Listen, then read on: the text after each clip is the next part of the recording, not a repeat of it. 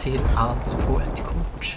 En podcast om brädspel, kortspel och ond bråd död för den som söker allt för nyfiket i mörkret. Ja, så skulle man kunna öppna en podcast om Mansions of Madness och sen känner man det här teatraliska rinna ur en lite, vilket är synd för att man har ett fint Lovecraft-späckat bräde här framför sig. Ja, vi skulle kanske behöva ett riktigt kråkslott att sitta i. Ja, precis. För det är eh, jag, Per, som har tagit på mig rollen av att vara kvällens keeper i Mansions of Madness. Ställföreträdare för Cthulhu. Har kavlat upp ärmarna och ska förhoppningsvis bringa både död och härligt vansinne på Tobias, KJ och Mange. Kan vi kalla dig Cthulhu Junior då? Ja, det är väl lite så jag känner mig. Jag är lite Ja. ny här i rollen som, eh, ja, någon slags Sommarjobbare. Ja, precis. Så jag har liksom suttit och bläddrat lite med de här tentakelmonstren och undrat vart ska den här gå? Vart hamnar det här? Fan, ska man ringa Shubniguraff och fråga liksom? Det är alltid pinsamt att Ja, ställa precis. frågor i början. Så här. Och man kan ju tillägga att eh, det här är ett avsnitt som har gjorts eh, efter önskemål. Vi har fått... Ja, eh, alltid lika trevligt. Ja, precis. Vi har fått ett önskemål på att spela just Mansion of Bandless med Per som The Keeper. Så Ja, det eh, värmer hjärtat. Jag hoppas det ska vara uppdraget moget. Vad tror du ligger bakom de här önskemålen? Ja, jag vet inte. Jag är ju smickrad. Men uh, ja, du pratar ju någonting om en milt sadistisk ådra. Det kanske... Sanningen att säga så kan det ju vara lite härligt att se människor svettas lite. Var den som skickar tentakelmonstren. Det är väl nu ikväll vi får veta ifall det bara är tomma ord eller om det ligger någonting bakom dessa Precis, allt det anklagelser. här eller? poserande liksom. Mm. Ja. För du kan ju privat mycket väl vara en av de snällaste människorna på den här jorden. Men i spelsammanhang så tar du Ja. fram Precis. Mörker-Per. Ja, det är väl så faktiskt. Nej, men jag ser fram emot det här. Det ska bli roligt. Jag har redan fått, uh, utöver själva setup-jobbet här med min hemliga lilla äventyrshäfte, så har jag fått eh, avgöra hur det egentligen ligger till i det här uppdraget ni tre ska försöka er på. Och eh, det är en gudsförgäten liten New England-avkrok får man anta. Där alla Lovecraft-händelser tycks utspela sig. Den lokala sheriffen har försvunnit om jag minns det rätt.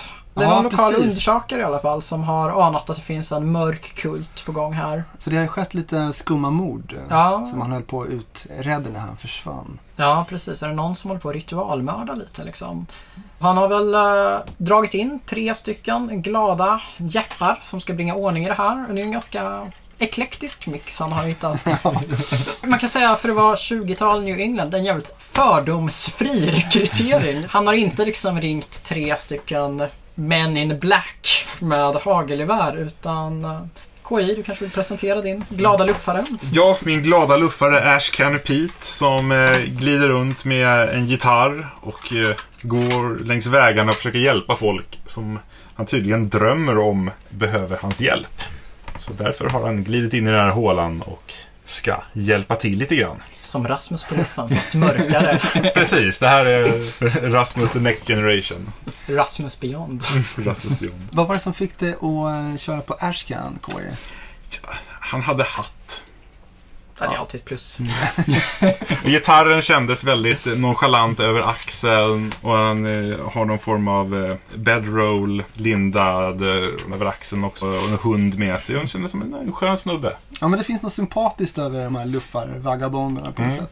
Ja, jag vill minnas när vi spelade Arkham Horror för länge, länge sedan i den här podcastens barndom. Visst hade Andy rekryterat någon whiskypimplande odåga? Ja, det som- låter ju onekligen som ett val Andy skulle göra. Ja, men Men jag tror oftast var han Harvey Walters, den här eh, killen med de eh, silvriga ekorrspolisongerna och eh, käpp. jaha, ja just det. Ja, det var kanske du som hade den. Mycket möjligt. Fixar-killen som sköt först och frågade sen. Ja, lite sluskig typ, tror jag. Men ja, never mind. Och Mange, du har en... eh, Jag har Skickat en skolflicka. Ja, jag är verkligen en skolflicka. Amanda Sharp pluggar på universitetet och var, ska jag säga, en toppstudent. Ja, förlåt. Det är nog för att sitter på andra sidan brädet. Ja, Du var någon universitetsstudent. Jag trodde de hade skickat någon mellanstadie... Nej, nej, nej, nej. Kid här liksom. Nej, det- bekämpa ondskan. Så roligt är det inte, utan hon pluggar universitet. Ja, Men eh, sen råkade hon tydligen stirra för djupt in i någon slags eh, konstig tavla med monster på. Sen dess har skolarbetet gått helt åt pipan. Vi kan alla känna igen oss i det där. Ja, ja. Eller i vårt fall är det Facebook och ja. Vi har alla våra monstertavlor. ja. Ja. Så nu har hon eh, börjat eh, kolla lite kring det ockulta och undersöker sånt istället. Jag gillar hennes eh, utrustning här. Det är en gammal biblioteksbok som är hennes bästa och enda vän som hon bär runt på. Kan det vara Necromanicon kanske? Det kan det kanske vara. Det, det möjligt. förtäljer inte Hon historien. Nej. kramar den så hårt att man inte ser omslaget. Nej, precis. Knogarna vitnar. Jag blev lite nyfiken på det här Per med att du trodde det var ett barn. Vad var det som fick Ändrar det här planen? Nej, jag känner hur till och med Cthulhu har ju vissa liksom... Annars det kanske det vore en This will be a new low. Så, alltså, det, blir ändå, det blir ändå lättare att skicka sina kultister liksom. På en myndig människa. Ja, jag känner ja. det. Nej, jag, jag vet inte. Jag antar att jag var helt upptagen med att sitta och svettas lite över den här setupen samtidigt som ni drog era backstory. Så att någonting blev uppenbarligen väldigt fel där medan jag satt och räknade otäcka överraskningar. Och slutligen, Jenny Barnes är jag. En slags eh, extravagant eh, donna med två pickadoller. Det låter ju försiktigt att säga donna, men det finns liksom inget annat sätt att beskriva den här kvinnan på. Hon har eh, rubriken The Perfect Shoes for Saving the World. Liksom. Hennes eh, historia är helt enkelt att hon fick ett brev från sin syster som råkade ut för något slags paranormalt eh, otäckt, vad jag förstod. Och hon eh, ska helt enkelt eh, försöka få någon slags klarhet i det här. ja. Vad som händer med hennes systers resor in i galenskapen. Och så hon sätter på sig diamanthalsbandet, packar pistolerna och åker till New England. en fashionista med pistolen i högsta hugg. Precis. Ja. Girl power. Så att vi är onekligen ett eh, brokigt gäng. Mm. Och eh, nu har ni väl anlänt till den här lilla hålan då, antar jag att man får säga. Det är inte så värst många hus i den här lilla byn. Det är ganska mycket svinstier och liknande. Lite flodbankar och... Kyrkogård. Ja, precis. En välspäckad kyrkogård får man anta. Och tre hus med tre misstänkta i den här byn. Det väl faktiskt är så att enligt den här ritualmorden så kan det ju vara så att två av dem är tänkbara offer. Och den tredje är överhuvudet för kulten, alltså överkultisten. Lite oklart vem mer som ingår i kulten eftersom det bara finns de här tre människorna i byn. Men det är väl några typer i skogsbrynet. Och eh, här har ju faktiskt jag fått välja vem det är som skulle ligga bakom det hela. Mm. Eh, Vem är det då? Bra försök. Ja, precis. Nice try. Keep it up. Kanske kommer igenom den här natten med den typen av skarpsinne. Ja. Har vi nämnt det att eh, innan sheriffen dog, eller Ja. försvann, Försvann. så pekade han ut de här tre Ja, människorna som misstänkta. Och eh, vi har ju liksom drivits till det här fallet eftersom vi självklart ser att det här är någonting med arkaniska krafter. det här är tydligt att det är en slags ritualmord som kommer väcka upp någonting som kommer förstöra hela världen. Tänker Mm. vi och åker dit. Inga halvmesyrer här inte. Nej. Nu. nej. Och eh, då är ju frågan hur jag har tänkt här eller om jag har låtit slumpen styra. Det skulle ju kunna vara den gamla griniga gubben Amy Pierce som eh, bor lite i norrut om byn. Och Det är väl en uh, gammal man med uh, käpp. Han har sett en del mystiska grejer i dessa dagar ändå va? Till synes är han en skör gammal man. Men om man pratar med honom så märker man direkt hur knivskarp han är. Och eh, han har varit med om extraordinära grejer alltså. Ja. Så. Är hans extraordinära sinne en ledtråd eller är det en fälla? Vi får se. Sen har vi ju den medelålders mannen Eric Colt som bor lite söderut om byn. Ser lite mer robust ut får man väl säga. Rejäl Tom Selleck-mustasch. Men döljer inte Utstrålar, utstrålar skogshuggarvansinne. Han är tydligen väldigt högljudd och eh, vart han än går så dyker det problem upp. Därför typ har han med sig en spade. Precis. Nej men han är väl som en klassisk dåre lite sådär, eller? Uh, ja, men jag antar det. Den, liksom, den asociala, störiga typen som gärna hamnar i krogslagsmål på vägen hem eller något ännu värre än så liksom. Ja. Och slutligen har vi en eh, kvinna, Corinna Jones, som väl till synes ska vara den som är minst misstänkt av dem alla. Men kanske i min mening ser mest misstänkt ut. Det är någonting med hennes blick som utstrålar lite... Varför var hon minst Ja, misstänkt? jag har för mig att hon var så välanpassad, står det någonting på backstoryn där. Man Hon har ju högst sanity i alla fall. Nej, men det står någonting om att hon verkar så lugn och tillbakadragen. Och jag undrar om hon inte kanske till och med är lärarinna i den här lilla byn. Vad som talar mot hennes nackdel är att hon redan nu i början med spelet sitter med någon mystisk bok här. En liten uh, läderinbunden ockult volym, det får man väl ändå säga. Kanske väger upp den där till synes tillbakadragna sättet. Ja, precis. Det står här att när hon var liten så hängde hon mycket med hennes eh, morbror. Som lärde henne mycket om världen och eh, den arkaniska, mysteriska kraften. Det faktum att hon har sämre hälsa än den gamla gubben gör ju mig lite skeptisk också. Ja, Det är något lurt här. Det är... sluta med det där kedjerökandet. Ja. Sluta hänga på allt på ett Coop-forumet hela nätterna. Nej, men man ska säga någonting om spelet då. Det är ju Fantasy Flight Games som håller liv i en ganska omfattande Lovecraft-merchandise. Precis, det här är ju spelet som eh, på något sätt eh, fick eh, följa upp Arkham Horror som blev en supersuccé med mängder av expansioner. Men det här skiljer sig på så sätt att det hämtar väldigt mycket inspiration från eh, klassiska rollspel egentligen. Precis, och det finns ju ett riktigt gammalt klassiskt Lovecraft-rollspel. Call of Cthulhu. Mm, en av de mest älskade vad jag har förstått. Ja, jag tror det också. Jag har ju aldrig spelat det, men det kom väl på 80-talet och bidrog väl ganska mycket till att hålla liv i och väcka intresse för Lovecrafts litteratur för en ny generation. Ja, precis. Man har tagit lite från rollspelet. Man har någonting som nästan är en spelledare i alla fall. Eh, Jag då, The Keeper, som spelar mot er andra. Till skillnad från en spelledare hittar jag väl inte på riktigt lika mycket och historien kan ju inte ta så många vändningar. Det är ändå regelbundet. Precis, du behöver liksom inte beskriva allting som händer runt omkring utan det är lite som ett mysterium och du håller i trådarna kan man säga. Ja, alltså jag spelar med lite andra förutsättningar men jag är ju fortfarande en spelare bland spelare också. Ja. Även om det är jag som flyttar monstren. Och så du har ett eget mål som du försöker uppnå. Mm. Vilket en vanlig spelledare inte har utan egentligen bara är där för att ledsaga spelarna. Precis. Det kommer säkert ligga ut någon fin bild på hemsidan. Det är ju ett bräde här som är uppdelat i ett antal rum. I det här fallet är det ett utomhusscenario, ibland är det inomhus. Vi kan säga att det här är expansionen Call of the Wild som vi faktiskt har tagit fram. Och det som är utmärkande för den expansionen är att man är för det mesta utomhus. Så att tidigare så har vi spelat eh, genom grundsättet egentligen och där har det ju varit olika läskiga herrgårdar och byggnader Ja. och slott som man har utforskat i och ibland varit ute på verandan eller i något skjul men nu är vi alltså ute i någon slags eh, väldigt enslig eh, by Mm. där vi nu ska försöka lista ut vem av de här tre personerna som är den här jäkla skurken. Mm. Och det, det är scenariot är Cry for Help vi spelar. Hur många har ni spelat det här innan? Nope. Jag spelade en gång tidigare i alla fall. Ja. Där vi faktiskt lyckades vinna på något heroiskt sätt i slutet. Hela rummet brann ner och alla spelare utom en eh, miste livhanken och så. Men vi klarade att slå keepern då i alla fall. Väldigt kul spelomgång. Jag minns Ja. den fortfarande.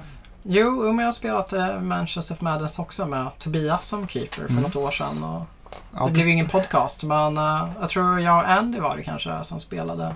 Och det gick ju illa, vill jag minnas. Vi eh, blev uppslängda på något altare och offrade rituellt. Och slut på världen, slut på Ja, det spelet. får igen. Men jag tycker annars att jag är en ganska snäll keeper. Alltså.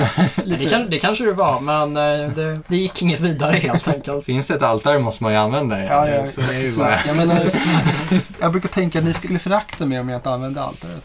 Ja, precis. Det är så alla såna här kultister tänker. Och jag har murat och murat ett fint altare. De kommer att förakta mig om jag inte använder det. Precis. Nej men det är väl lite rollspelsaktigt. Man flyttar runt sina gubbar. Det finns lite eh, exploration cards att vända upp under er runda. Så ni samlar på er lite föremål som förhoppningsvis kan hjälpa er mot monsterstormen. Jaså? Ja, eller så är det Eller någonting helt annat. Ja, precis. Ni kan gå och förhöra de här tre personerna som alla har både bevis och rykten de kan ge er. Antingen behöver ni tre Rumor Ally Story Cards som pekar mot en av de här tre misstänkta eller två Clue Cards som är lite mer solida bevis. Därefter kan ni agera liksom. Så tre rykten eller två ledtrådar. Mm, Det är, det är ett starkt eh, juridiskt system vi har här. Ja, det är rättvisa New England style. ja. Men det är ändå tentakelmonster i andra vågskålen. Så Mm, mm, det väger upp, det är sånt. Hur tänker ni er att vi har träffats, vi tre? Ja, det är en väldigt skön blandning. Jag kanske råkar köra på dig med min eh, Porsche KJ. Det är stor risk för det och den blev ju bucklig och du blev arg. Så får du arbeta av din skuld genom att åka med till New England. Och... Ja, och Och då- putsa fönster. Jag är ena vindrutetorkaren för den andra gick av, så viftar med armen för att hålla rutan ren. Och i din hobo-väska så skymtar jag liksom Necromonicon. Och då plötsligt förvandlas vår relation eftersom vi båda är nere med det där crazy. Till något, till något vackert istället. Och där på, på ett eh, roadside café så träffar vi den här bokmalen som sitter och hänger över sitt eget ex av sagda bok. I, Trion är komplett. I pocketformat. Läser du? Nej, jag läser om. Och så vänskapen Mm. ett faktum. Man visste att det här är den riktiga varan. Mm. Och sen så när vi hör om det här från servitrisen om de här mystiska morden och Sheriffen den här som sheriffen som saknar, vi bara måste ta itu med det här. Så vi är spänt på hur de här människorna i den här byn kommer liksom motta oss när vi kommer, dyker upp på deras farstu och börjar ställa frågor. Man kan väl också bara säga rent speltekniskt så är det ju så att det är balanserat så tillvida att jag har min egen runda som kommer efter de här eh, näsvisa människornas. Och beroende på hur många som spelar så får jag som keeper olika poäng att spendera. Så är det bara en enda stackars undersökare så får man i gengäld en svagare keeper. Spelar man fyra välutrustade undersökare så kan keepern lite snabbare plocka fram det riktigt tunga artilleriet för att balansera det hela. Och jag har väl egentligen två möjligheter också. Att jag kan ju satsa på att döda er, vilket ju alltid är praktiskt och slutgiltigt. Men jag kan också göra er galna, som i vilket riktigt Lovecraft-spel som helst. Så finns alltid möjligheten att ni helt enkelt blir galna av skräck inför alla de här bisarra sakerna ni ser. Och hur är det när de har blivit galna? Är man ute ur leken då eller kan man tillfriskna? Man är kraftigt handikappad, eh, Mm. vad jag minns. Alltså, Man kan väl bli bra igen? ja. precis, man kan eh, kurera sanity. Ja, ja, jag hade för mig det. För att mental hälsa är någonting som går åt ganska snabbt i det här spelet. För det räcker ju i stort sett med att se de här vidriga skapelserna i varierande grad. En blodindränkt kultist kanske man kan leva med, men inte lika roligt. Och... Mm. Ja. Och våran tur är ju eh, väldigt eh, straightforward. Vi kan gå två steg och göra en action. Och action kan vara att anfalla, det kan vara att utforska och det kan vara att eh, byta föremål med varandra. Eller gå ett steg till? Eller gå ett litet extra steg. Så att för vår del är det väldigt eh, lättspelat. Det luriga är väl att eh, försöka göra någonting vettigt tillsammans. En sak i det här spelet är att eh, det är ju ganska farligt att gå ensam i skogen. Mm. Men eh, väldigt lockande eftersom man vill få flera olika saker gjorda samtidigt. Vi vet ju liksom inte riktigt vad du sitter på Nej. i nuläget. Nej, precis. Och ni vet väl på ungefär vad ni ska göra, men ni vet ju inte vad ni behöver göra för att vinna exakt. Sen har vi också den här Time is on my side, antar jag. Jag har en liten otäck lek här som tickar på. Med specialeffekter som aktiveras. Mm, precis, för vi får inte ta för lång tid på oss helt enkelt. Nej, för eh, inom... Tio rundor på oss Ja. i princip. Det är ganska lite tid ändå. Mm. Så klockan tickar. Och jag tycker vi dyker ner i... Träden susar och vi har precis fått motorstopp kanske. Ett mystiskt, oförklarligt motorstopp har skett. Vi tar oss ut ur bilen givetvis och eh, ser oss omkring för att försöka få ledtrådar. Välkommen, tycker ni er höra en röst säga. Men det, eller var det bara vinden?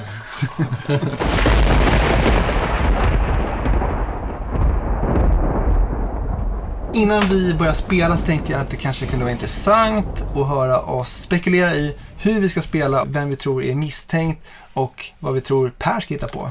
Alltså, vi tror ju att alla är misstänkta. Är inte alla misstänkta? Jo, precis. Alla, jo, exakt. Alla är ju misstänkta och Ja. jag ser ingen som mer eller mindre misstänkt. Okej, du tror att det är en grupp, eller alla sekter är väl gruppsekter, men du tror att alla är ledare? Det det? Det sa jag väl kanske inte, men Nej. Ja, men du är för en thorough search kan man säga. Det går och eh, prata med alla de här jepparna. ja, att försöka mindgamea fram vad Per har... Det är min, Ja, men min det, vinkel. det känns ju lite grann som att det är jag vet något som du inte vet, att jag vet att du vet att jag vet. Att han vill få oss att tro att det är någon, men har han då tänkt i ett steg, eller två, eller tre, eller hur många steg? Det blir så rekursivt att det inte ens... Ah, Du är skeptisk till det här. Alltså, för det jag kände, det var ju att han lite ville få oss att tro att det är den här Corina Jones. Han sa liksom lite sådana saker att ja, det är hon som är minst misstänkt. Ja. Det är hon som är normal liksom av alla. Så att det känns lite som att han ville kroka oss på att det skulle vara Corina Jones. Men så dålig skådespelare är han ju inte. Ja, Eller? Eller, Eller tror vet- han att... Tror han vi- att ja, vi tror att han... tror- Ja. Alltså man knyter ju ihop sig av att tänka sådär. Eh, Eller också gör vi som du sa KI och slår ihjäl första bästa misstänkta vi träffar på. Alltså vi är, bara, vi, vi är bara två steg från den gamla gubben. Det här kan gå fort. Hoppas på det bästa. Mm, precis, alltså gubben är närmast eh, så att han är väl mest lockande att gå och knacka på dörren. Eh, som sagt, det finns alltså två sätt som vi kan få bevismaterial. Antingen så är det liksom söka runt i skogen här eller gå och Mm. prata med de här personerna. Vad tänker ni om det då? Ni tänker lite av varje eller? Ja, vi gör väl ingen jättenytta av att stå på samma ruta allihop och traggla, men att hålla sig i närheten av varandra kan väl inte skada. Du känner lite så här samarbete som man ser i fängelset. En liksom förhör och de andra går runt och kollar efter bevis i, i hemmet. Ja, li, lite sådär. Men ändå Sure, inte vara allt för långt ifrån varandra. Ifall det poppar runt någon stor tentakelgalning så kan vi assistera varandra på något sätt. Jag vet inte. Jag har aldrig spelat här. Jag har ingen aning om hur det kommer att bli. Det är ju ni som är i jämförelse. Jag är ju Ja. novisen som bara vill slå huvudet av folk. Du kommer rusa iväg direkt som den hillbilly du är och Leroy jag Jenkins! här.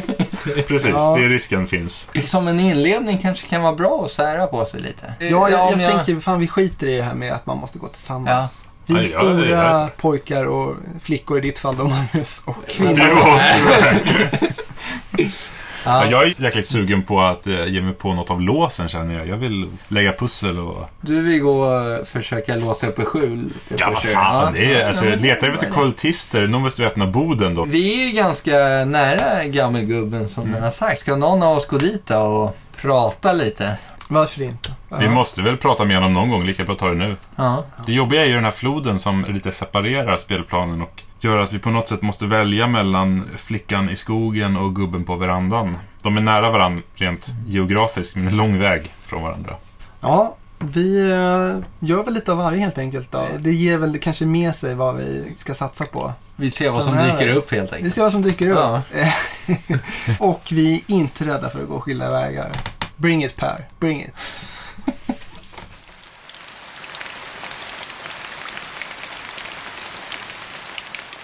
Tobias har ju bett mig sammanfatta läget som keeper lite innan första rundan här. Och ja du kära lyssnare, då kan väl jag redan nu passa på att avslöja vem jag har valt som ondsint typ här. Jag har då valt den till synes vänliga mannen Amy Pierce. Den gamla mannen med sin käpp som sitter i sin stuga och kacklar och verkar så trovärdig. Om jag förstått läget där utanför så är väl Tobias försöker väl läsa mig utifrån hans goda kännedom om mig. KJ förespråkar väl att vi inte ska försöka spela mind games eller de inte ska spela, försöka spela mind games utan helt enkelt sprida ut sig och börja samla in hard facts. Men Mange vet jag inte riktigt var jag har han Och eh, ja, jag hade väl helt ärligt ingen särskild tanke. Jag försökte inte tänka för länge. Kanske just för att inte bli för förutsägbar.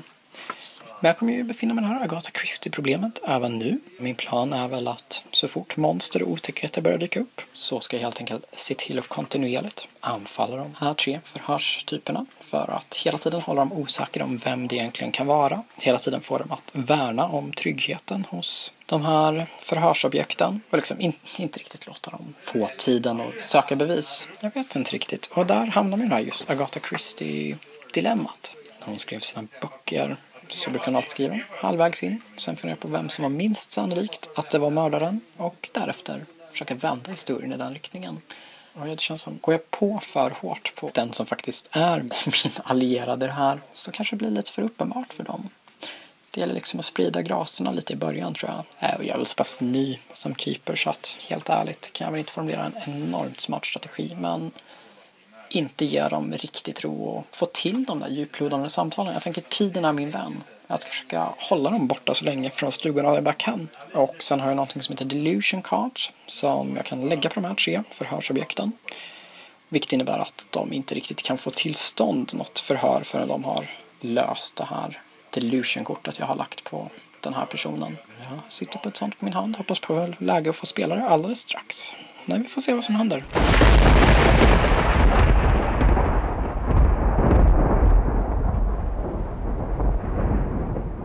Då gör vi ett nedslag här i vår jakt efter denna märkliga ritualmördare. Och eh, vi delade på oss. Mm. Det kan man säga. in i Norden. Vi är verkligen i... Hemma hos varsin gubbe, Ja, varsin misstänkt. varsin misstänkt. Där Per har fått två av dem att springa ut ur sina rum. Vilket gör den tredje väldigt misstänkt i mina ögon. Ja, ja. Ja, vi kan börja med dig Magnus. Du Ja. gick ju först in till Amy. ja precis. Och, och eh, det första jag gör när jag kliver in genom dörren är att kolla vad som finns. Och då hittar jag en fin bok där som jag genast eh, roffar åt mig. Det visar sig att Amy inte gillar det alls. Jättekonstigt. Ja, ja, jag fattar inte. Så eh, han upptäcker det när jag börjar fråga honom och han drar sin pistol helt enkelt och ska skjuta mig.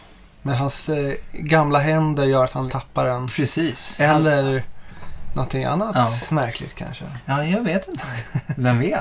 Men han tappar pistolen i alla fall. Och eh, Vad gör du då? missar mig. Ja, nej men jag står kvar och tänker nu får jag försöka släta över det här och eh, ta det i rätt riktning. Han blev paranoid och då eh, fick keepern chansen att eh, liksom placera hans eh, kort. Vilket till slut gör att jag fick the silent treatment. Mm. Han Efter- slöt sig lite som Ja, precis. Och, och ville inte svara på någonting. Det här hände för övrigt efter jag hade tagit hans pistol som han hade tappat på golvet. Så jag känner att vår start här blev inte den bästa. Tryckt stämning. Ja, minst sagt. Men alla de här tre korten är ju beroende på att Per har totalt manglat dit den typen av kort som har tvingat dig att dra Ja. dem. Och eh, nu står det på det kortet att han kommer inte svara på några frågor förrän eh, han antingen har tagit skada eller blivit lite rädd. Så jag har en liten svag plan där om att ta hans egna pistol och skjuta honom vid benet för att se om, Det kan hjälpa, det är värt ett försök. om han mjuknar. Ja, ja, du får ta i med hårdhandsken helt enkelt. Ja, jo. Alltså du har ju verkligen grillat Amy. Alltså hela din spelomgång har du varit på hans ruttna veranda och grillat honom. Ja. Utan någon som helst resultat egentligen. Det- Precis. Han har bara blivit, jag har försökt skjuta dig. Ja. Han har slutit sig, han har eh, inte velat svara på någonting. Nej. Men du ger det inte, jag gillar den här Ja, nej.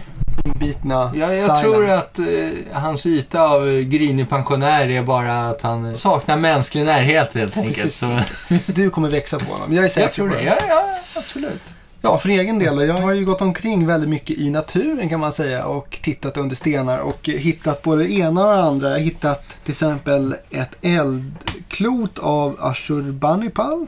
Ja, ett sånt. Ja. Och eh, en Lägga. eh, bok från en eh, namnlös kult. Jag har hittat eh, mjölk från Shub-Nugarat och whisky. Så att eh, jag har verkligen hittat massa roliga saker här i skogen. Man kan ju konstatera att det är ett jävligt okult ställe. Det finns sjukt mycket grejer som ligger i skogen och eh, väntar på oss. Ni har väl också dragit på er en hel del grejer? Jag har ett levande svärd och en eh, kaninfot. Se där, se Ja. där. Ja. Jag har ju Amys eh, pistol då och Amys bok. Amys bok. Och så hittade jag en liten sten det första jag gjorde innan jag kom hem till Amy som kan hela mig och så. Och så hittade jag lite banknotes vilket gör att jag eh, Kanske tvångsköpa Kö- saker. Tvångsköpa. Jag kan ta allierades prylar helt enkelt. Mm. Och göra mig ännu mer populär. Ja. Förhoppningsvis. Det har ju funkat bra hittills. ja, ja, jo. Ja, och eh, sen så strosade jag in till eh, Corina Jones och eh, snackade lite med henne. Hon svamlade lite om någon slags besvärjelse och jag behövde gå till en kyrkogård för att eh, leta lite där efter något som kunde hjälpa henne och få fram... eh, Någon besvärjelse för att hålla de döda döda. Precis. Det fick jag av henne. Kort därefter så stormade hon ut då, precis som KJ sa. Både Stephen Colt och Corina Jones har alltså lämnat sina hem, märkligt nog. Jag har ju stormat fram och vi alla stövlat fram som fotfetischister i högklackat och bara plockat upp vad vi kunnat på den här spelplanen. Hittills har det inte hänt någonting dåligt. Ja men det är lite som någon slags godisregn. Ja. Lite så. Men jag råkade ut för lite samma grej det här att jag klev in hos Eric Holt och han skrek att Time to act is now och stormar ut ur huset. Samtidigt som att någon form av magikertomte som har materialiserats mitt på brädet på väg mot honom. Så jag känner att jag är nog tvungen att ta mitt levande svärd och göra lite nytta, tror jag. Per har ju alltså eh, framkallat en trollkar som Mm. stegar mot KJ. Ja, eller eller Colt. Erik Colt. Det är oklart vilket målet är. Tobbe är ju övertygad om att Erik Colt är skurken. Jag känner att eh, Colt är en riktig skurk. Så det är frågan om Pers plan är att skydda Erik Colt från mig. Eller att ha ihjäl honom för att han inte ska avslöja någonting. Hur kom jag fram till att han, Stephen Colt, var skurken egentligen? Erik Colt. Eric Colt. Ja, ursäkta mig. Inte Steven, det är hans bror. Han har ingenting med Eric att göra. Jag ber om ursäkt på hans vägnar. Ja, varför tror jag att det är Eric Colt då? Jo, jag tänker att Per verkligen inte vill att Magnus ska prata med Amy Pierce helt enkelt. För att hon kan ge ledtrådar kanske som pekar mot Eric Colt. Sen tänker jag också att det är förmodligen den som jag tror Per skulle välja som skyldig av de här tre. Jag vet inte. En liten eh, underdog eh, vad gäller... Mm, men det kan jag ju förstå och hålla med om. Han är lite neutral på något sätt. Den här grannen som alltid var så lågmäld och inte gjorde något väsen av sig och sen köpte väldigt mycket konstgödsel helt plötsligt. Ja, och slogs på helgerna.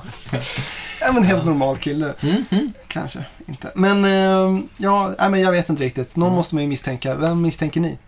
Jag vet inte vad jag ska tro riktigt faktiskt. Om jag, man liksom baserar jag- det på hur Per har spelat Ja. lite. Just att den här trollkaren är på väg mot Colt gör ju det hela lite misstänkt. Du har ju en poäng i hur, hur du säger och om man så skulle basera sina teorier på det här då är det ju bruden du har utfrågat Ja. som ligger högst till i rankingen. Ja, fan alltså. Det, nu börjar jag ju misstänka henne igen här. Lite, Mm. du vet, hiding in the open. Han ville Mm. peka ut henne som en given Exakt, det var ju det jag pratade om i början här. Det finns många nivåer. Hur eh, tycker ni vi ska gå vidare här?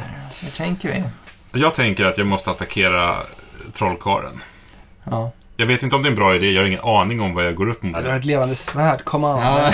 jag, kan, jag, jag kan slå dem i gitarren också, det, är- det är ett alternativ. Ja, hur som helst så kanske vi måste skydda Colt om han nu vore... Om man vore Oskyldig, oskyldig så ja. är det väl kanske inte bra att han dör, för då kanske det var det som var mission från keepern från första början. Ja, Mm. precis. Men jag undrar om Per ens kan slå ihjäl dem där. Och då har jag inget att förlora. Nej, nej. Fuck this guy. Ja. He's going down. Vad ska jag göra tycker ni? Ska jag fortsätta Fortsätt. Ja, fråga? men han är den enda som ger vettiga svar nu, eftersom Per har lagt... Ja, fast jag måste ju skjuta honom för att få något svar. Han har ju det där kortet på sig. Men skjut honom då, han sitter ju säkert där inne. Ja, jag skjuter honom. Jag skjuter honom nästa runda.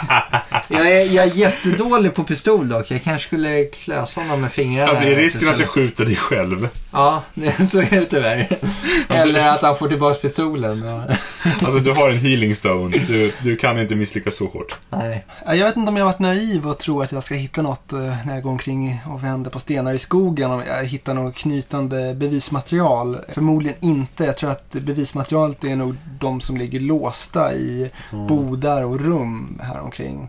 Kolla igenom vad som ligger i det där rummet du har kvar och sen jaga efter tjejen. Och...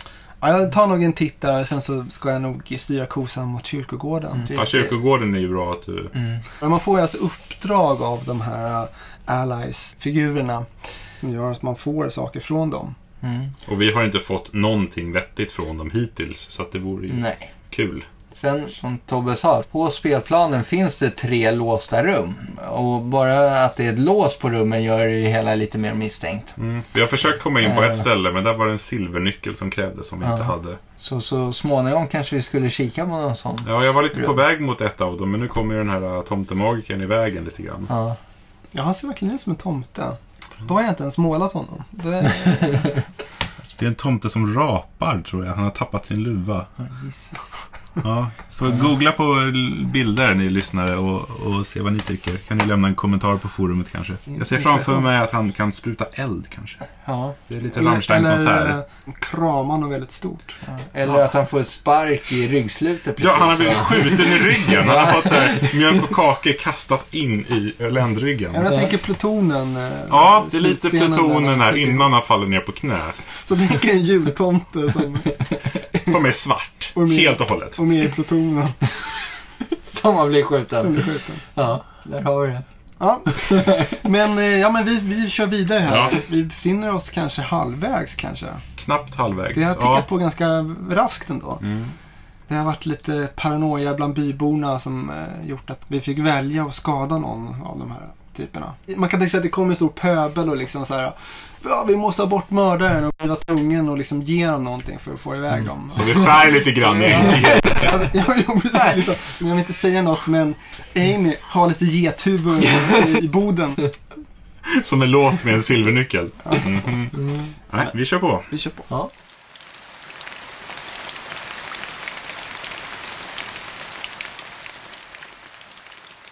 Då är det Keepers sammanfattning igen. Vi har väl faktiskt hunnit spela igenom hela spektakulära fyra rundor nu. Jag misstänker att killarna där inne kommer ge lite mer sammanfattning av hur de har farit fram i byn och alienerat de eh, tre vittnena ganska rejält. Mange öppnade med att komma in till Amy Pierce, som ju du och jag vet är skyldiga.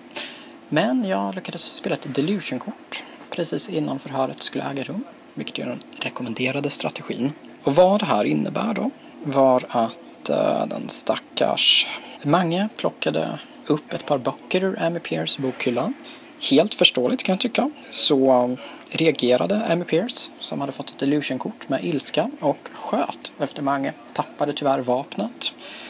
Men eh, deras relation har väl inte varit bättre. Han har spenderat fyra rundor in i huset och förgäves försökt få den stackars mannen att tala. Jag har spelat tre nya delusion-kort tror jag och lyckas låsa ner honom helt och hållet. Eh, vilket verkar stärka dem i deras övertygelse om att det här är ett riktigt värdefullt vittnesmål. Det finns ju lite eventkort som triggas. Första gången så delade de ut ännu mer delusion-kort och där kunde jag väl låsa ner även Eric Colt, den uh, surmulna skogshuggarkarn. Man fick även dela ut lite skada. Eftersom de tror att det är han så har de valt att skada honom. Tobias lyckades ta sig till Corina Jones som gav honom ett irriterande uppdrag. Jag har nämligen haft privilegiet att kunna trimma deras vittnesmål så hon gav honom ett uppdrag som kommer ta en himla massa tid. Men nu har hon delusion också så att de kommer alla bli mycket svåra att få tala. Hon blev väl till och med så pass galen så hon har sprungit iväg ut i skogen. Så jag antar att Tobias får spendera femte rundan med att springa ut i skogen.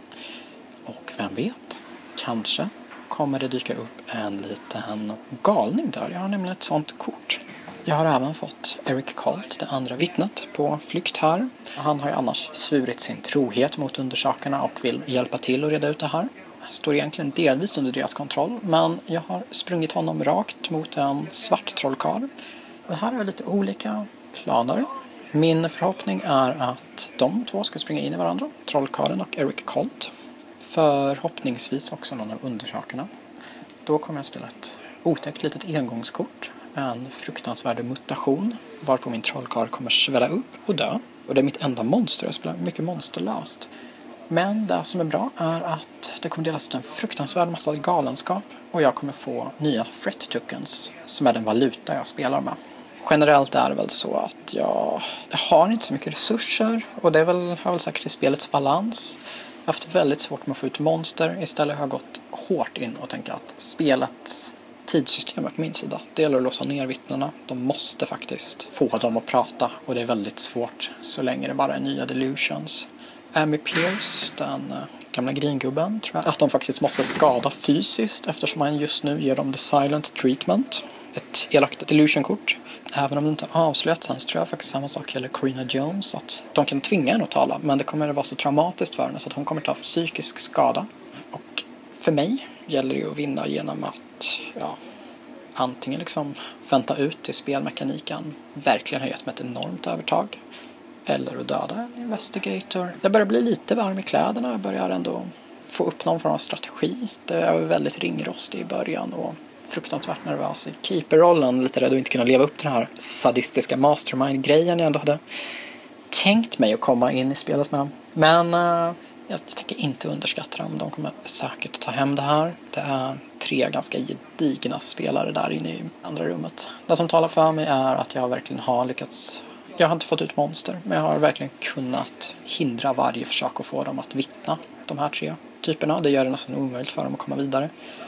De har börjat spela ganska järvt. En viktig strategi i Manchester of Madness är ju ofta att balansera det här och hålla ihop och att sprida ut sig för att få saker gjorda. De har spritt ut sig fruktansvärt mycket och de har hittat landsbygden är tydligen full av massa vapen och magiska böcker så det är ett fruktansvärt starkt gäng.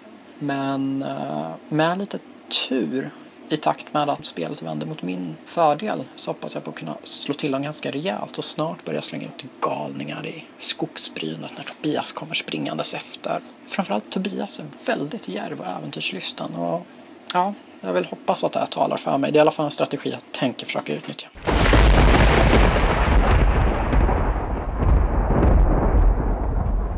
Nu eh, har det hänt en hel massa grejer.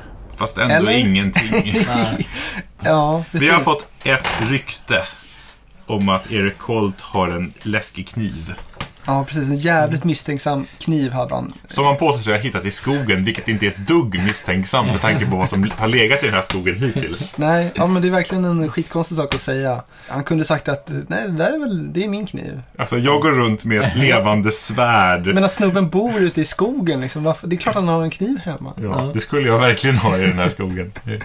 Ja, vad är det som har hänt? Vi har ränt runt på nästan hela planen, känns det som. Utom Magnus som har gått tre steg. jag, jag, har, eh, ja, jag började fråga ut Colt, men min vana trogen så det första jag gör är att slå mig i huvudet med en spade. Ehm, men till slut fick jag faktiskt ur honom det här med kniven. Men det, det är väl allting jag har klarat av. Det är mer än vi andra har klarat av vad det gäller att samla information om det vad faktiskt är här för att göra. Ja, Vi andra har samlat saker bara, för du har ganska mycket saker också. Ja, jo. Ja, men du är lite av en social assassin kan man säga. va? ja Du jo, kommer på fel sätt. Jag har ju gått till kyrkogården nu då till slut. Efter en hel del fightandes på vägen så gick jag dit och eh, slutförde mitt lilla uppdrag. Och fick en trevlig eh, magi som tack från den goda Corina Jones. Som gör att jag kan ta mig igenom tjocka dimmor. Så att jag är på väg mot den här lilla ån, eller träskån. vad, vad tycker ni det ser ut som? Jag är på väg dit i varje fall. Dike. Ja, lite mer skrämmande än ett dike hoppas jag. För vi kan inte korsa utan en båt. Men Okej, det är ett stort dike. Ett krondike. jag är på väg dit för att jag känner att eh, jag kan använda det där kortet där. Och som sagt, vi har ju fått en ledtråd från Eric Colt om att det är han. Men eh, jag vet inte riktigt. Vad tror ni om Per? Vad håller han på med här egentligen? Han har- rider oss så långt bort från att få den information som möjligt. Vi ränner ju runt eller blir runtflyttade som jag vet inte vad och får inte ur någon, någonting. Så att han lyckas ganska bra utan att ha plockat in något större monster tycker jag. Ja, han, liksom håller på att oja sig och liksom, ja det går inte så jättebra. Men det känns ju som att han Det är bara för oss eh, i en jävla ask. Det finns ju altare också i mitten där han hela tiden sätter fram någon jävla trollkar. Ja, jag har huggit ner två stycken hittills och det här kommer den tredje nu. Nu kommer en tredje. Det känns också som att han på något sätt har börjat eh, förflytta de här eh, allies-typerna in mot mitten till det här altaret. Det är frågan om man flyttar dem bara för att han kan eller för att det är en mening med det. Det ska ju ske ett ritualmord så det känns ju som att det är, det är någonting. När det är två stycken som flyttas in mot altaret så är det, ja, Och den ena sitter tryckt i stugan. ja. Jag känner att jag borde gå och spöa upp den här gubben i stugan lite grann för att få något ur honom. Ja, det är ju verkligen misstänksamt beteende att sitta där på sin ruttna veranda. Som det faktiskt står att det är. Vad säger du Magnus? Vår tid, eh, borde vi säga, är på väg att rinna ut. Vi är på sista tidskortet och när det vänds så Vet kommer antagligen hända något eh, riktigt förjävligt. Förmodligen. Så eh, det är lite spänd förväntan jag har i alla fall vad som kommer att ske. För det känns som oundvikligt att eh, det kommer vändas upp. Vi kommer ju inte hinna klara det här innan dess. Nej. Det är en runda kvar. Så vi får se vad som händer. Mm. Ja, han har verkligen lyckats eh, förhala tiden för oss. Ja. Och allt sökande i skogen har ju visserligen förvandlat mig till någon slags MacGyver. Men det har inte gett så mycket stoff till att lösa Nej, det här ingenting mordet. faktiskt. Nej. Vi skulle gått hårdare på de låsta sakerna från början. Ja, eller gått hårdare på och försöka fråga ut Mm. Ja. alla. Ja, ja, vi kämpar på här, men det ser mörkt ut. Väldigt dystert. Mm. Ritualmordet, eh, man känner nästan doften av eh, Ja. grisblodet. Slipar upp tomtedräparen för en ny match här. Får se vad man kan göra för skada.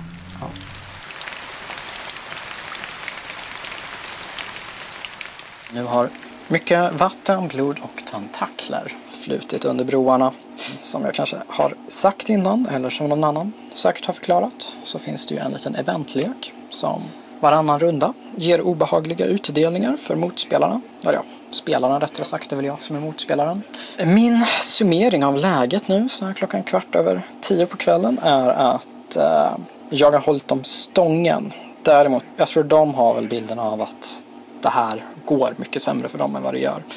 I stort sett inga förhör har de lyckats genomföra. Det har varit delusion cards på i stort sett alla. Jag tror väl tyvärr att jag har spelat lite väl uppenbart nu de sista rundorna. Jag tror faktiskt de vet vid det här laget vem som ligger bakom det hela. Jag kan ha fel i det. Jag hoppas att de själva tänker att jag är lite listigare. Jag har kanske kunnat eh, driva den stackars Eric Colt till vansinne och fått honom att anfalla lite spelare och även springa rakt in i monster som har tuggat på honom.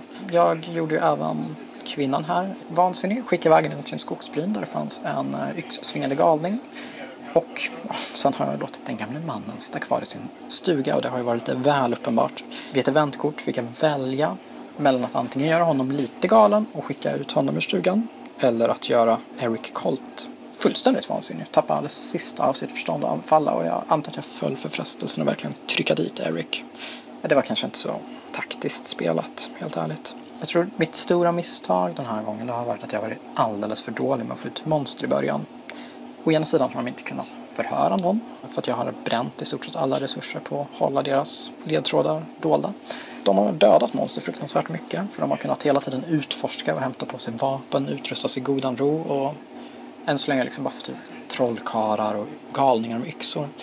Den här rundan kommer jag som tur är kunna spela ett kort under deras runda. KJ hade lite otur. Han drog ett delusion-kort från Erika som ju är lite av en trollkarl och teleporterade honom rakt in i en yxsvingande galning. Kommer nu spela ett trevligt kort som muterar den här mannen till ett betydligt mer klassiskt Lovecraft-monster.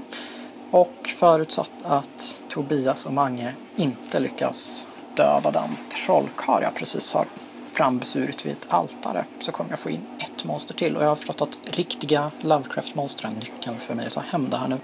Människor kan liksom aldrig döda vare sig spelare eller allierade i just det här uppdraget. Det måste till ett riktigt slemmigt tentakelmonster för att avsluta jobbet och det är de jag går in för att få nu. Jag tror att de känner sig mer pressade än vad jag tror att de är. Jag känner att jag verkligen inte har förvaltat monstren väl. Jag kan inte vinna på att bara försinka utredningen hur länge som helst för att de är på väg att bli desperata och jag tror att någon kommer gå in och försöka skjuta gubben. Faktiskt chansa på att det är han. Så innan dess ska det till lite powerspel och otäcka monster.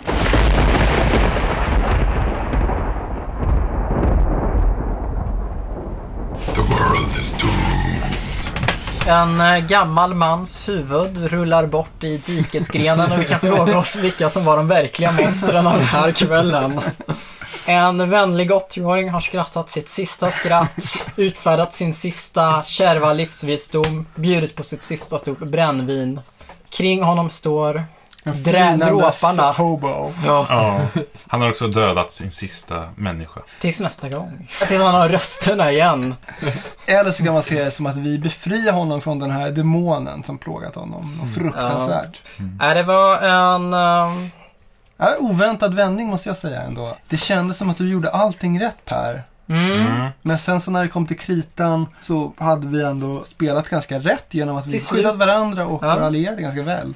Ni var fruktansvärt väl rustade till tänderna. Mm. Jag kan säga att en grej jag verkligen hade problem med. Jag hade en liten strategi som aldrig riktigt lyfte vingarna. Det var det sista outspelade kortet, som är lite extra dyrt. The Thing from Beyond. Jag var väldigt nära att få igenom det här. Det hade kostat mig fyra Fret Tokens, vilket innebär att man behöver spara en runda, i alla fall om man spelar med tre Investigators. Och då hade jag fått byta ut en trollkar mot en Dunwich Horror här vid Det var därför du gillar tro- de mesiga trollkarlarna så mycket. Och eh, jag var, skulle precis göra det när vem det nu var sköt honom och tvingade honom backa ett steg. Vilket gjorde att jag inte kunde genomföra ritualen i ett kritiskt läge. Jag säger inte att det hade förändrat hela spelet, men det hade kanske i alla fall fått igång de riktigt biffiga monstren som aldrig riktigt kom ut nu. Nej, det var ganska mesig nivå på monstren. Var det min hjälte som eh, sköt bort henne därifrån? Kan det säkert ha varit. Mm. Härligt att höra. Jag fick ändå ut med tanke på att en, Magnus hade skjutit något på riktigt i sitt liv så...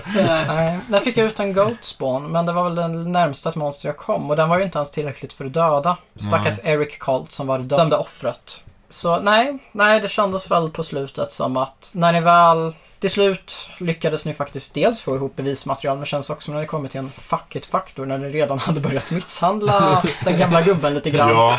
Ja, det är frågan ifall, om du hade lyckats locka mig att börja slåss mot den här maniacen som sen blev en goat spawn så kanske du hade lyckats hålla oss borta från den gamla mannen tillräckligt länge för att faktiskt ha ihjäl någon och lyckas med det. Det- Men jag sprang iväg istället för jag ville, var så trött på att gubben aldrig pratade. Nej, jag tror det mest fascinerande under den här rundan som säkert kan ha kommit upp både från mitt håll och från ert håll var ju Manges fantastiska förhörsteknik Alltså, med den gamle mannen Enge här. Och du låser upp den vi är ute efter så vi omöjligt kan prata. Nej men det var fantastiskt liksom. Du gick in och lånade en bok. Han blir av förklarliga skäl arg. Han tappar ett vapen Som du också tar. som du tar helt fräckt. Han bjuder på lite brännvin, man surnar till, han gör the silent treatment och man behöver liksom chocka honom till att tala. Du misslyckas med någon slags knytnävsslag och skrapar honom i ansiktet så att enligt texten han skrattar åt det med blodet rinnande för ansiktet. Och det här är väl egentligen reserverat för yxgalningar, men det blev en väldigt fin bild liksom hur du gjorde allt fel. ja. ja, jo. Det var ju inte, kanske inte ditt fel riktigt, det var väl lite otur med tärningsslagen. Men det blev en fantastiskt rolig scen om man tänkte sig hur Ja. den utspelade. Jag fick eh, stå för det här comic relief-inslaget i den här skräckfilmen. Ja, även sen precis, du hade lite otur med Eric Colt också. Ja, eh, han, vi blev inte vänner heller. Så, Men du ja. ville, tog upp samtalet, han fick någon krigsflashback och slog dig i huvudet med en spade. Och, Ja, Men det gick bättre med, vad heter hon? Corina. Corina. Corina. ja, ja, ja, men vi blev kompisar Vi nästan blev direkt bok, bokvänner. Ja. Bokvänner, ja. Ja, nej, jag vet inte. Hade jag spelat om nu med lite mer rutin hade jag nog försökt ösa på med monster mycket tidigare. De gav ju två strategitips i manualen, varav jag kanske tog fasta mer på det ena än på det andra. Och det var ju att låsa ner förhöret med delusion-kort. Den delen funkade, men kanske lite väl mycket. För att ja, samtidigt gick ni ganska ostört omkring och liksom skaffade er i stort sett elitarmé-utrustning. Ja, vi kunde, Helt ju, ohotade. vi kunde ju dammsuga hela landsbygden här och fick onödigt mycket bra saker. Man drog ju aldrig ett dåligt kort, inte Nej. sett nollkort, utan det var bara Nej. plus. Jag tror också att eh, en annan sån här grej som jag kände redan när jag gjorde det, att det var lite av ett taktiskt misstag. I den här eventleken, halvvägs in, så får man ju sänka någons mentala hälsa och flytta en av de här tre tänkbara misstänkta. Och då tog jag Eric Colt för att jag fullständigt drev honom över vansinnets gräns. Det var ju kul, men jag hade kanske för appearance sake hade det väl varit bra att sätta Amy i lite lagom fara. Det känns som att där någonstans kanske också Samtidigt som jag försökte få igång en riktig monsterruljans så antar jag att jag börjar avslöja mig lite för att både Corina och Eric Colt var i uppenbar fara. Så här, att de blev bortlurade in i yxgalningar i körsbärslundar som stod och låg. Medan eh, han mest satt och mös och det blev väl inte så trovärdigt. Det hade jag kanske försökt blanda bort korten lite mer på en omspelsrunda. Mer monster och mer rävspel. Men ja, lätt vara efterklok. Det kändes ju som att vi hade lite flax här nu med hur det utspelade sig med eh, Amy och att eh, vi fick ihop bevisen eh, Mm. i princip innan sista rundan och vi hade lurat ut honom ur huset. Han försökte fly ut ur huset. Ja, så- Rent ärligt, så. jag jagade efter. Ja, ja precis. Ja, men, eh, vi hade rätt tur med hur vi fick bort monstren. Att eh, Eric Colt var så pass hel som han ändå var Mm. inför, inför det här Mm. sista skedet. Alltså om du hade berättat på med ett Dunwich eh, Horror, det hade ju... Ja, jag ska inte säga att det i sig hade vänt hela spelet. Det tror jag kanske inte. Oddsen Men hade ökat. oddsen hade ökat för att den är väldigt mycket svårare att få bort än en enstaka yxgalning. Dunwich Horror känns det som att det faktiskt är ni som ska vara rädda för att gå in i strid med. Medan en Maniac, det känns som när alla tre har Mm. skjutvapen och magiska svärd så känns det inte som att hans yxa kan göra så mycket. Ja men alltså till en början fruktansvärt frustrerande med att vi aldrig fick ge upp några bevis där. Med att du Mm. gång på gång la disillusion-kort på Amy och eh, Eric Colt. Mm. Och vi fick aldrig något vettigt, det bara hände en massa knasiga saker. Men Mm. även de korten började väl trita, även fast du inte använde upp alla. Va? Ja, det var bara två kvar och hade ett på handen så att jag hade inte kunnat låsa ner dem så mycket längre till. Sen tycker jag väl så här, generellt det väldigt trevligt spel. Det är verkligen rollspel light. På ett sätt som är Mm. mysigt. Att det ändå finns en historia. Och jag antar att man kan göra det långt mycket mer seriöst än vad man gjorde det. Man kan väl gå in för att verkligen berätta en historia och försöka skrämma spelarna. Jag vet inte. Så har det inte varit riktigt. Men det är en ganska härlig känsla att sitta med sina monster och den här leken som tycker på i ens fördel i alla fall. Ja, hur känns det att vara keeper då? Var det övermäktigt? Ja, nej, jag har inte gjort det innan. Så jag känner att eh, jag skulle säkert få mer finess på det andra gången. Att man börjar se strategier. Men annars var det en ganska tillfredsställande upplevelse. Och försöka vilseleda lite, skicka lite monster. Det är ganska trevligt. Det är roligt på olika sätt. Märktes ju att du hela tiden ökade. Du var ju jobbig från början och blev bara värre för varje omgång och fick mer och mer leksaker att, Um, att jävlas med. Jo, men det finns någonting härligt i det. Att man, jag var väl nöjd i början med att kunna låsa ner spelet och göra lite roliga grejer. Det känns som att du inte spelade så många sådana här mytoskort på oss. När vi... Nej, det var nog en sån grej som jag hade kunnat få mer flyt på för att jag inte riktigt var... Ja, att det var så länge sedan jag spelade helt enkelt. Jag tror jag skulle behöva få en annan ruljans på dem. Att ja. även om man... Nu känns det som att jag satt med fyra kort och inte ville dra fler. Det hade nog varit bättre att fortsätta dra och slänga. Ja. Istället för att stå och vänta på perfekta tillfällen. När man har kört tidigare så har ju det varit liksom sådär äh, grundpunkten ett i överlevnad i Mansions of Madness. Att hålla ihop liksom, för annars Mm. kan keepern spela en massa läskiga kort på en. Men faktiskt det här med att vi splittade upp oss tidigt, det var ju en, har blivit, en- var ju en jättefördel för oss. För vi fick ju jättemycket utforskat och sådär. Nej, men någonting jag tycker är roligt med det här, det är ju att det funkar ju väldigt bra som upplevelse och vare sig man är keeper eller investigator och vare sig man vinner eller förlorar upplever jag att, ja men i och med att det är en berättelse så det kan ju vara lite roligt att se spelarna ta det i land också. På samma sätt som det kan vara när man spelar rollspel. Precis, men jag tycker om man jämför det här med Descent så har ett ganska liknande upplägg så är ju Descent mycket mer ett eh, taktiskt miniatyrspel medan det här Mm. känns mer som en berättelse, upplevelse Mm. typ av spel. Det är klart, du har ju också ett objektiv här men det Mm. är eh, ganska mycket för dig att styra vad som händer runt omkring en. Och sen tänker jag jämfört med Arkham Horror så är det ju de delar ju den här enorma plottrigheten. Det här är verkligen spel för människor som gillar att sitta och pyssla med grejer på detaljnivå. Ändå tycker jag är fantastiskt lättspelat som Ja, ja. investigators. Om man jämför med vad The Keeper så var det en uppsluppen, eh, avslappnad upplevelse. Och sitta och ta två stycken förflyttningar och göra en action. Det är ju jättebehändigt än att försöka hålla koll på allt det där liksom. Mm. Men det gäller ju att det finns någon, om man ska spela det här, som verkligen är beredd att lära sig reglerna och vara the keeper. Och Liksom. Ja. ligga på rejält, för det kändes ju aldrig som att man var riktigt hotad. Vi var väl mer stressade över tiden att det skulle, de här korten som tickade Ja, på. jag, jag läste Som det här. inte blev så farliga ändå. Nej, jag hade väl hoppats lite mer på en game turner liksom. Att det skulle komma en offerkniv efter tio runder och så var det kört. För så gör det väl på vissa uppdrag. Är det väl ändå en tickande bomb man har? Ja, oftast är det så. Och eh, det kan ju vara på gott och ont liksom. Mm. Men oftast är det till eh, keeperns fördel. Får jag bara fråga, varför Amy? Per? Ehm, ja, det är intressant för jag, jag tror jag lottade i smyg faktiskt medan ni satt och sysslade med annat. För att inte, jag kände att så här, fan, någon lyckas alltid hooka upp mot hur man tänkt. Så det är bara bäst att så här, låta slumpen välja. Ja, det försökte jag ju, men Jo, men jag, jag misstänkte att det skulle komma. Jag bara kände att jag skulle inte lyckas vara så smart som jag tänkte. Så jag lät slumpen arbeta åt mig. Mm, Det var nog bra tänkt. Vi var inne på alla, tror jag nästan.